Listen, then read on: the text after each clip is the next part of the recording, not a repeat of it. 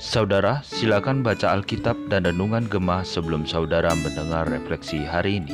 Shalom Bapak Ibu Saudara yang terkasih di dalam Tuhan, kiranya Bapak Ibu Saudara semua di dalam pemeliharaan Tuhan, dan tidak lama lagi kita akan memasuki bulan Desember dan kita akan merayakan Natal, hari yang penuh dengan sukacita bagi kita bisa merayakan kelahiran Tuhan Yesus ke dalam dunia ini.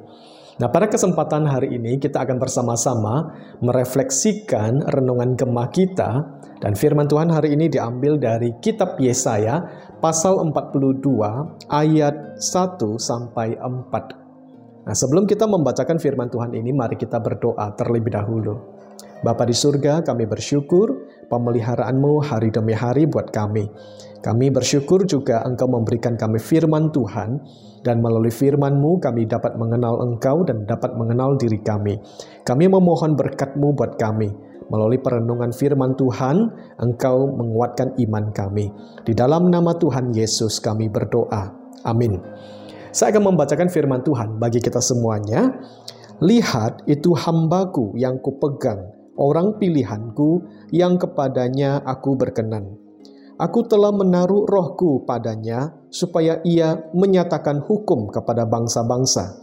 Ia tidak akan berteriak atau menyaringkan suara atau memperdengarkan suaranya di jalan. Bulu yang patah terkulai tidak akan diputuskannya, sumbu yang pudar nyalanya tidak akan dipadamkannya.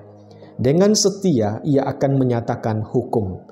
Ia sendiri tidak akan menjadi pudar dan tidak akan patah terkulai, sampai ia menegakkan hukum di bumi. Pulau-pulau mengharapkan pengajarannya.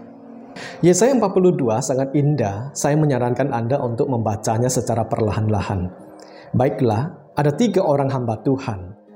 Yang pertama adalah Tuhan Yesus. Ayat 1 sampai 4 digenapi oleh Tuhan Yesus. Sebagai hamba Tuhan, Tuhan Yesus bukanlah orang yang kejam, tapi dia menyenangkan. Tuhan Yesus berbeda dengan Raja Kores yang menginjak-injak penguasa-penguasa seperti lumpur atau seperti tukang periuk menginjak-injak tanah liat. Raja Kores menginjak orang lain dengan kejam. Namun ketika Tuhan Yesus inkarnasi menjadi manusia, dia tidak mematahkan bulu yang hampir patah atau memadamkan sumbu yang hampir habis terbakar. Ayat ini digenapi oleh Tuhan Yesus ketika dia menyembuhkan orang sakit mengembalikan kehidupan orang-orang yang menderita, dan dia tidak menggunakan kesuksesannya untuk mengambil keuntungan dari orang lain. Dia juga tidak mempromosikan dirinya sendiri. Tidak ada kesombongan dalam dirinya, tidak ada kebrutalan dalam dirinya. Tuhan Yesus adalah seorang hamba Tuhan yang lemah lembut dan akan menegakkan keadilan bagi bangsa-bangsa. Dia adalah juru selamat dunia dan juru selamat kita.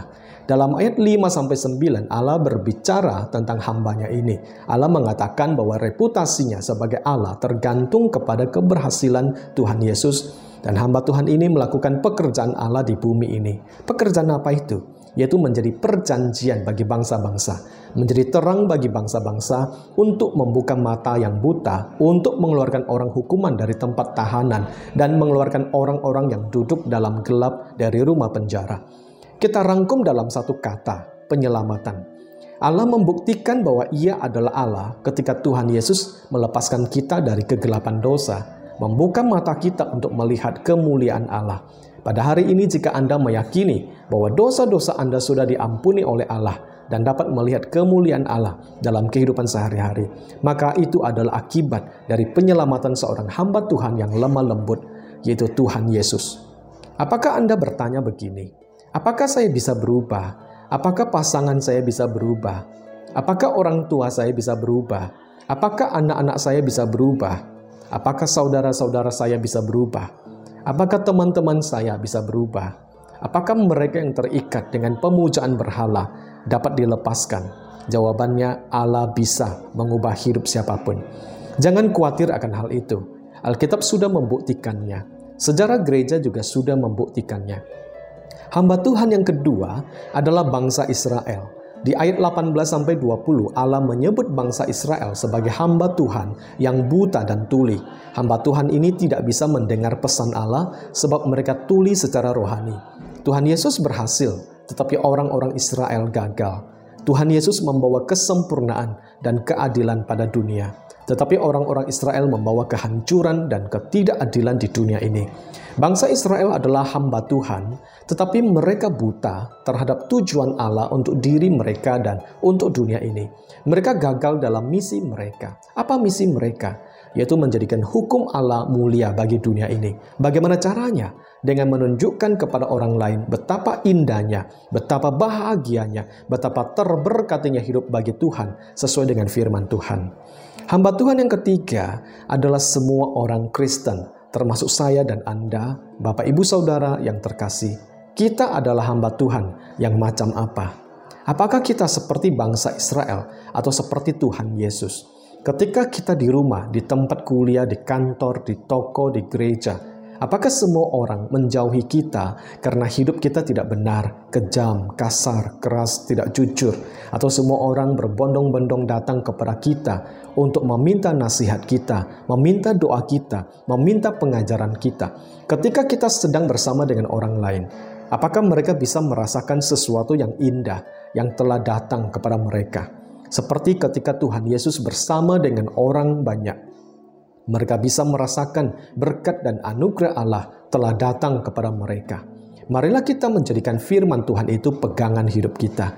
Marilah kita menaati firman Tuhan, sekalipun Anda tidak menempuh pendidikan formal di sekolah kependetaan atau sekolah teologi.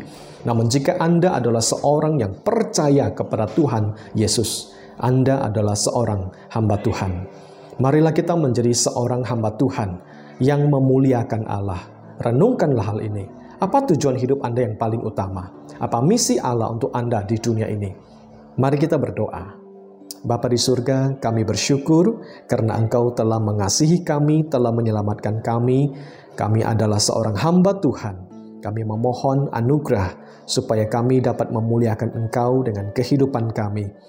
Di dalam nama Tuhan Yesus, kami berdoa dan kami bersyukur. Amin. Tuhan Yesus memberkati kita semuanya.